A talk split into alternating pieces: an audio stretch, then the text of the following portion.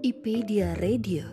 Ini adalah tentang rasa, asa, dan hasrat, mengupas dari sisi yang berbeda, menghadirkan pilihan untuk bisa bersikap, memahami, dan menghargai, mengkritisi tanpa menghakimi. Ini adalah tentang kami, perempuan dengan segala dimensi, dunia yang teramat asik untuk diulik. Ini adalah IPedia Radio, teman baik dunia perempuan.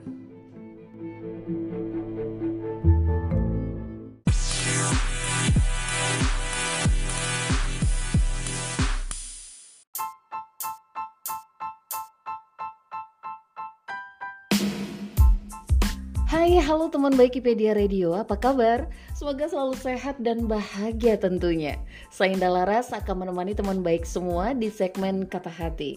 Segmen Kata Hati adalah sebuah segmen obrolan ringan seputar dunia perempuan dan ya, tentu saja ini adalah topik-topik yang menarik untuk disimak. Selama lebih kurang 30 menitan saya akan ditemani oleh salah satu teman ngobrol yang seru dan juga asik. Dan kali ini kita akan ngobrolin seputar ide salah satu teman baik perempuan kita ini yang sudah berhasil menciptakan sebuah karya dan karyanya sudah mengglobal. Nah, kita kayaknya perlu tahu nih ya, berawal dari hal apa aja sih ide ini muncul, kemudian juga bagaimana beliau bisa merintis usaha tas kulitnya sehingga bisa mengglobal. Hal-hal seru apa aja yang terjadi selama proses mengglobalkan karyanya tersebut? Wah, rugi deh kalau nggak ngikutin ya. Udah, ikuti aja obrolan seru saya bersama Shanas Nadia Winanto Putri, owner dari brand Rara Kenes.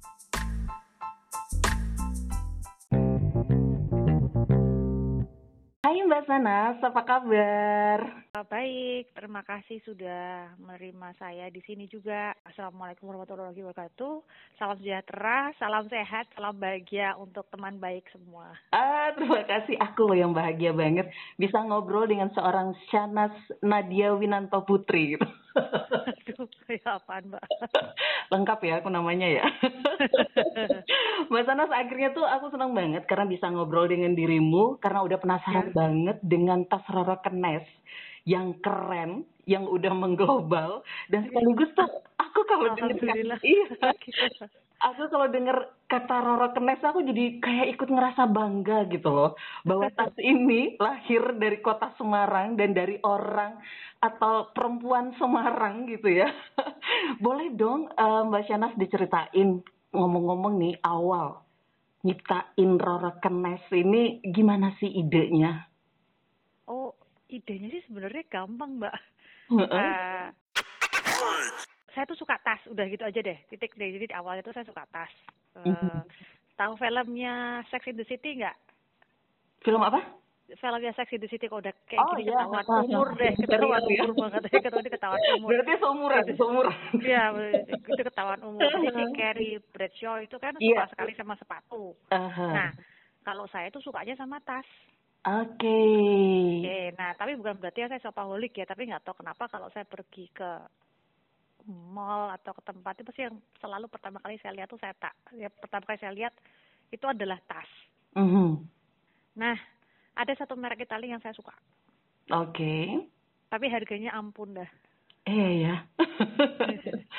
ampun dah harganya itu 25 jutaan ke atas gitu. Saya lihat kawinya ada. Dan kawi ini harganya tiga setengah. Minimal tuh antara eh, sekitar dua setengah juta, tiga setengah juta lah. Mhm. Mhm. Eh, totally import. Itu import ya? dari kalau nggak eh, mas kalau, kalau sekarang istilahnya mirror one ya. Oke. Jadi itu buatannya kalau nggak China ya Korea. Oke. terus- Ayah saya ngomong gini, "Eh, beli gampang, bikin susah. Nah Mhm. sekarang kamu bisa bikin apa kamu bisa beli? Pikir-pikir lucu juga kayaknya ya, lucu juga nih gitu. Coba ah, gitulah. Jadi cuman ya sesimpel itu. Awalnya dari karena suka tas, kemudian dengan harga yang tinggi, terus ada kayak secara tidak langsung ya support dari ayah untuk gimana nih kamu mau beli Anu challenge ya. Challenge ya. challenge ya, challenge. betul dan akhirnya terciptalah Eh, ya perjalanan panjang sih sebenarnya karena itu kan ada riset, ada ya ya begitulah kalau kita membuat usaha tuh Mhm. Pasti ada preambulenya dulu pembukaannya dulu dan pre-pre-nya dulu gitu loh. Iya. ya nggak serta merta ya. Kenapa milihnya kulit? pas waktu itu sih saya cuma penasarannya gini luar negeri bisa buat kenapa Indonesia nggak bisa buat? Ah, itu cuma sesimpel itu aja. Lalu pas waktu dulu enceng gondok udah banyak ya. Aha, Uh, udah banyak yang buat enceng gondok anyaman juga ada banyak. Aha. Terus saya ini suka sama anyaman tuh nggak tahu kenapa filosofisnya aja sih jadi kok saya ngeliat anyaman tuh saya ingetnya jadi kayak bineka tunggal ika gitu loh Ah, Oke.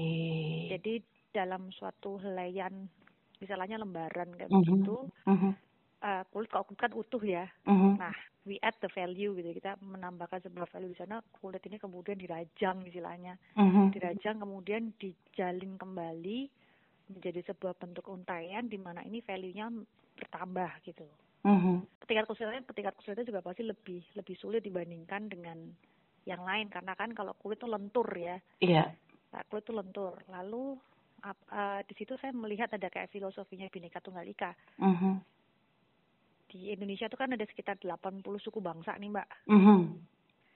Tapi gimana caranya ini bisa terjalin dengan utuh dan membentuk sebuah bangsa yang cukup besar dan indah namanya Indonesia jadi saya saya jadi begitu kayak kalau tanya kenapa anyaman juga Aha. Ya saya cuman karena ingat Bineka Tunggal Ika aja. Kan sama juga kayak jalinan anyaman Nusantara. Yes, betul banget Nah, ya. udah terus kemudian saya ngelihat anyaman itu sudah ada di Indonesia dari sekian ratus tahun yang lalu. Dari Hmm. beratus-ratus tahun yang lalu itu sudah ada. Mhm. Tapi kenapa kok kita nggak we don't really preserve it ya? Mhm. Mhm. We are not doing the preservation. Jadi kita apa tuh perawatannya gitu loh. Mhm. Lalu Mhm. kemudian merek luar negeri mengklaim bahwa anyaman ini mereka yang punya brand. Oh. Jadi cuma gini doang. Oh. Ya, dia kan sebenarnya di Indonesia udah banyak loh. Oh. Dan ini aplikasinya bisa ke mana-mana gitu. Betul. Lalu kenapa bukan kita yang buat? Aha. Padahal secara secara bahan baku juga banyak ya. Iya, bahan baku juga banyak dan Mhm. eh bahan bakunya lagi ini kebetulan karena memang itu sebenarnya proses dulu di awal saya nggak terlalu kepikiran tapi sekarang kita udah mulai menerjemahkan value itu menjadi lebih mendalam lagi saat dari hulu sampai hilir. Mhm. Jadi harus ada konsistensi di situ. Kalau sekarang ini dari tas rekennya sendiri banyak bahan bakunya dari luar atau dari Enggak, lokal? 90% konten lokal. Wow. Dan memang kita ber kita berpatokan di situ. Kemarin saya juga sebenarnya ngitung kalau saya import itu lebih murah, eh, lebih murah, lebih mudah.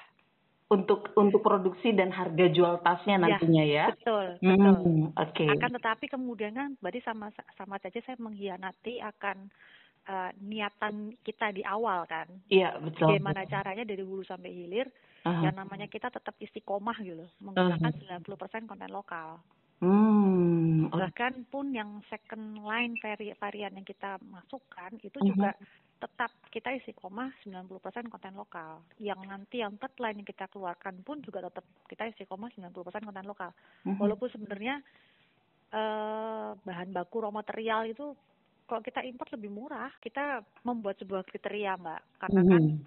konsep yang kita usung itu bukan hanya sekedar tas doang gitu ya Mhm. Nah ini nilai nilai-nilai yang paling penting dari Rorkan Mas ini sendiri apa sih Mbak Canas? eh, satu yang itu tuh kita pertama saya pakai sustainable reporting list sustainable list itu kita pakai Mhm. jadi dari hulu sampai hilir semua kon- konsep sustainable sustainability dan Mhm. juga ethical itu kita pakai satu tidak merusak alam Oke. Ramah lingkungan ya. Ya betul. Jadi itu benar-benar sampai bahkan kepada vendor pun kita juga minta requirement sesuai dengan itu. Apakah mereka mempunyai SNI, apakah mereka mempunyai ISO, apakah mereka mula mempunyai SGS report test dan lain-lain. Ribet nggak sih? Kalau misalnya memang sesuatu itu bisa dimulai dengan tidak ribet, ini kayaknya sana sengaja deh nyari-nyari yang ribet gitu.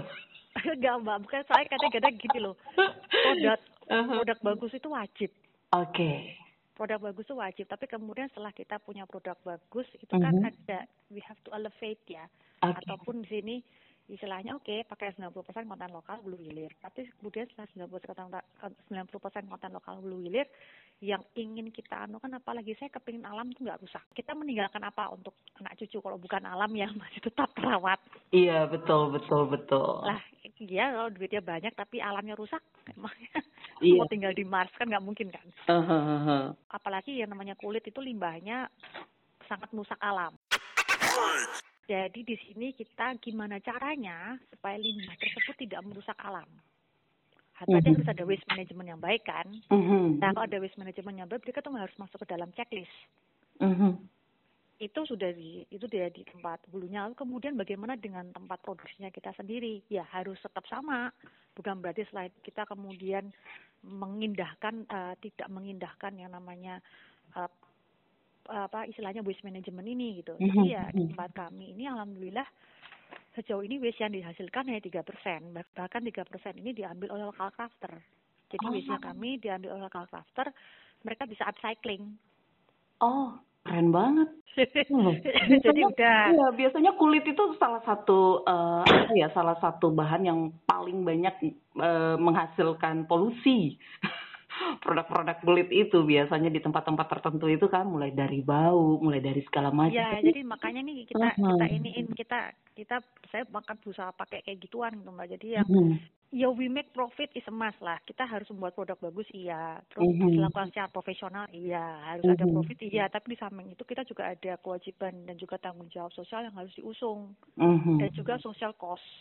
Yeah. Nah, kemudian bicara bicara rokenes, lalu di sini juga kita akan bicara mengenai yang namanya gender. ya, aku coba lihat-lihat ini keren banget deh. Jadi uh, apa ya Shanas kan tidak hanya sekedar berbisnis gitu ya berbisnis yeah. menghasilkan uang tapi juga ke kepedulian terhadap kesetaraan gender kemudian juga pemberdayaan perempuan dan hal-hal yang terkait dengan itu tuh kayaknya gencar juga nih dilakukan sama Mbak Shanas kenapa sih kok mau repot-repot ngurusin yang begituan lalu saya mulai involve lebih lebih dalam dulu kita kita masih flyer sumbangan mm -hmm. dan lain-lain nah, mm-hmm. sekarang mm -hmm. uh, saya mulai involve lebih dalam lagi karena saya melihat bahwa sebenarnya perempuan itu adalah madrasah kan. Nah ini jadi kayak so, kayak jadi kayak menjadi sebuah social cost di saya begitu kejadian dari Moskow kemarin terus kita uh -huh. melihat wah from the hands of the women you build a nation loh. Jadi betul banget. Build something. Uh -huh. Dan perempuan itu adalah madrasah awal. Uh -huh. Uh -huh. Begitu kita ngomong madrasah itu kan berarti madrasah itu harus kuat ya. Iya. Yeah. Kalau bukan dari perempuan untuk perempuan lalu siapa lagi? Betul, karena kita yang paling paham ya, kita yang paling Betul, ya. mengerti ya. kondisinya. Nah, gitu. dari situ kemudian saya mendabelkan, me mengkalikan dua effort untuk itu, terutama penjelasan akan bahayanya budaya patriarki, bagaimana bungkus-bungkus budaya patriarki itu berlaku. Karena terus terang kalau saya ngomong uh, apakah Proroknes itu feminis, saya akan mengatakan iya tapi bukan berarti kita feminis askenazi yang kemudian saya menisbikan peran uh, imam ya, karena tetap suami itu imam saya loh. Gitu. Yeah. Saya selalu mengatakan imam. Tapi di sini bahwa peran-peran dalam uh, keluarga itu hubungan rela, kuasa relasinya sehat. Jadi itu bisa madrasah itu bisa tercipta dengan baik, Mbak. Dan perempuan itu bisa berfungsi dengan sebaik-baiknya sebagai dirinya sendiri sebagai seorang ibu dan juga sebagai seorang istri. Iya, Bahkan benar. di tempatnya KTP saya aja tulisannya ibu rumah tangga loh. Uh. Beneran di KTP itu saya tulisnya ibu rumah tangga. Enggak nulis CEO gitu. enggak, enggak di KTP itu sampai sekarang masih ibu rumah tangga gitu. Tanya pekerjaan pertamamu apa ibu rumah tangga loh. Ya, saya betul banget. Menikah dengan sadar kok Iya betul banget dan dan dan banyak orang yang menganggap bahwa ibu rumah tangga itu bukan bukan hmm. sebuah profesi ya maksudnya. Nah itu makanya saya juga kadang-kadang jengkelnya berapa kali saya diwawancara selalu ngomong gini jangan pernah membenturkan antara ibu stay at home atau ibu yang bekerja karena mereka sama uh, itu adalah pilihan dari perempuan yang harus kita hargai. Betul yang Dan, harusnya dikritisi itu adalah apakah sistem mendukung atau tidak gitu. Yeah. Jadi bukan bukan itu yang dibenturkan enggak loh. Ya, betul betul sekali. Mungkin karena karena banyak di sekitar kita kan tidak contoh contoh-contoh barangkali ya orang melihat bahwa ibu rumah tangga sepertinya kok diam di rumah aja padahal menjadi hmm. ibu rumah tangga itu kan pilihan untuk bekerja di ranah yang bukan publik gitu. Iya, betul. Nah, kebutuhan yang ada adalah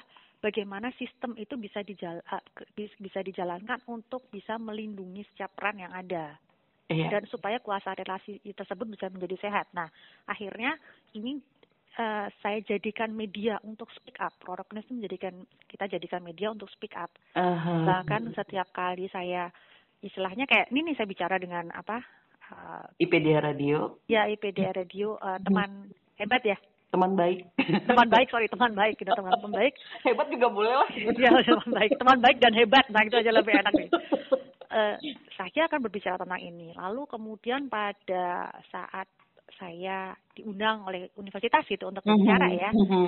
pasti saya akan bicara juga mengenai kuasa relasi yang sehat lalu bagaimanakah konsen nah itu yeah. dia konsen itu apa lalu kemudian grooming itu tidak boleh bagi pria maupun perempuan juga mereka harus paham, harus tahu. Ya. Dan selama selama ini filosofi dan nilai-nilai yang yang Mbak Shanas gencarkan ini seiring sejalan lah ya dengan uh, berjalannya uh, brand dari Roro Kenes sendiri ya. Iya. Bahkan uh, di dalam setiap tas yang kita uh, yang yang dibeli, Mbak. Uh -huh itu kita kirimkan itu pasti selalu ada flyer akan apakah KDRT itu lalu kalau ada KDRT kalian bisa pergi ke mana Wah keren ya.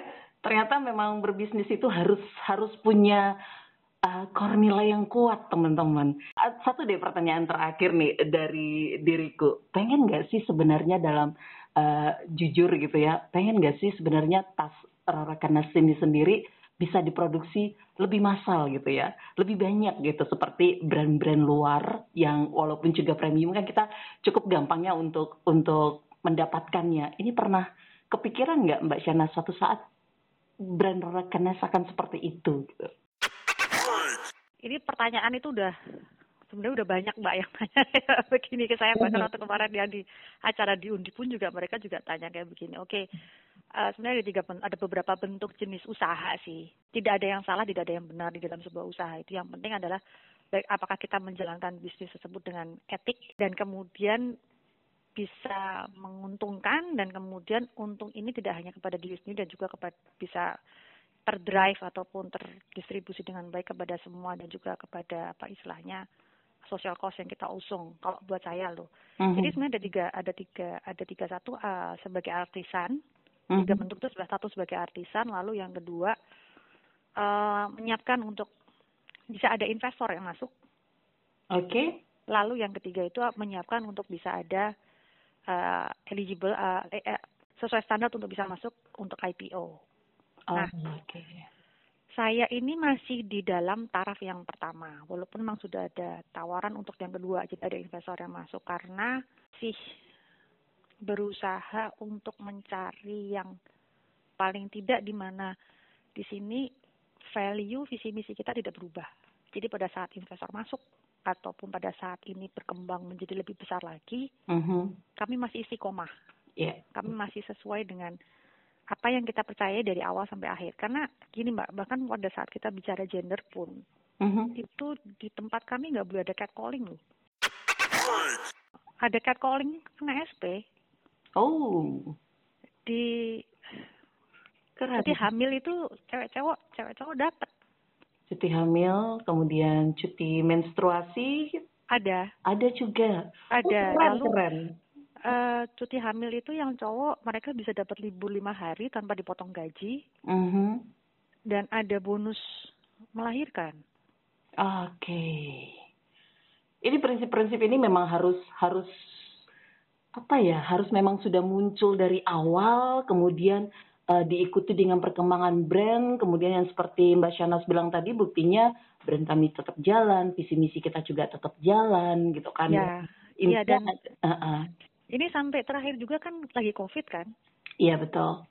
Prokes kita jalankan mbak. Bahkan saya melakukan random sampling. Nah, sekarang gini random sampling itu satu bulan ada sekitar 4 sampai lima orang. Karena total pegawai kita kan ada 13 ya. Mm -hmm. sampai lima orang kita random sampling untuk rapid. Oke. Okay.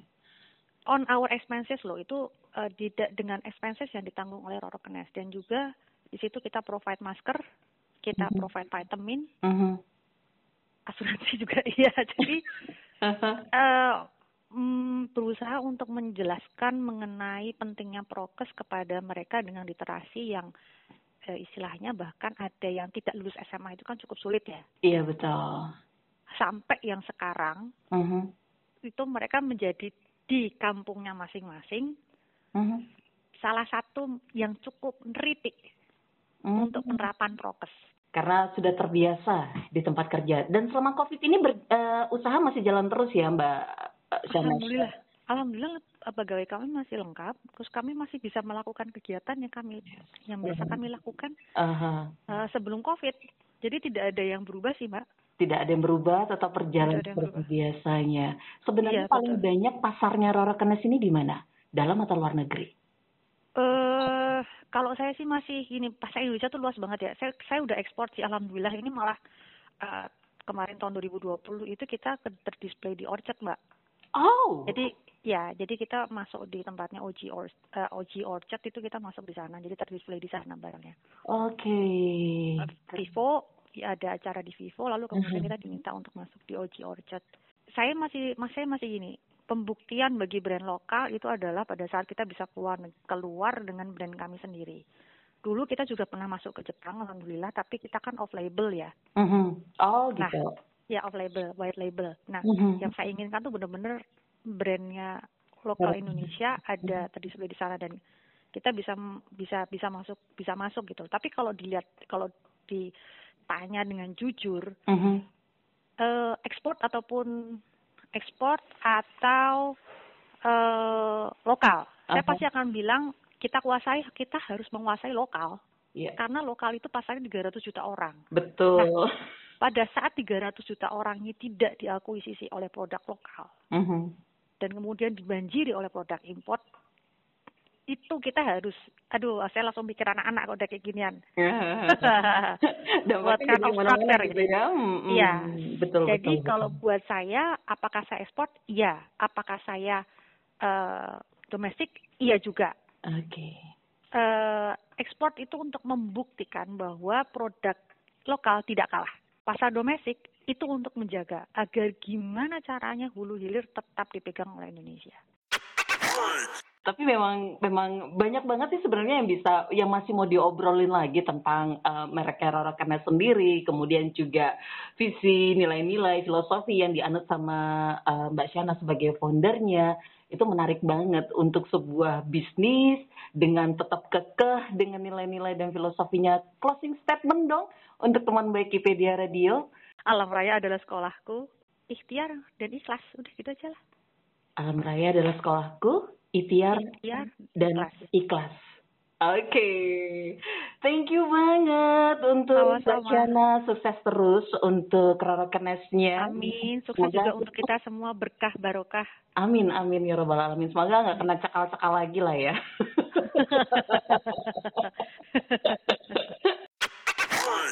Demikian obrolan saya bersama Shanas Nadia Winanto Putri. Terima kasih telah mendengarkan episode kali ini. Tetap stay tune di IPedia Radio, teman baik dunia perempuan.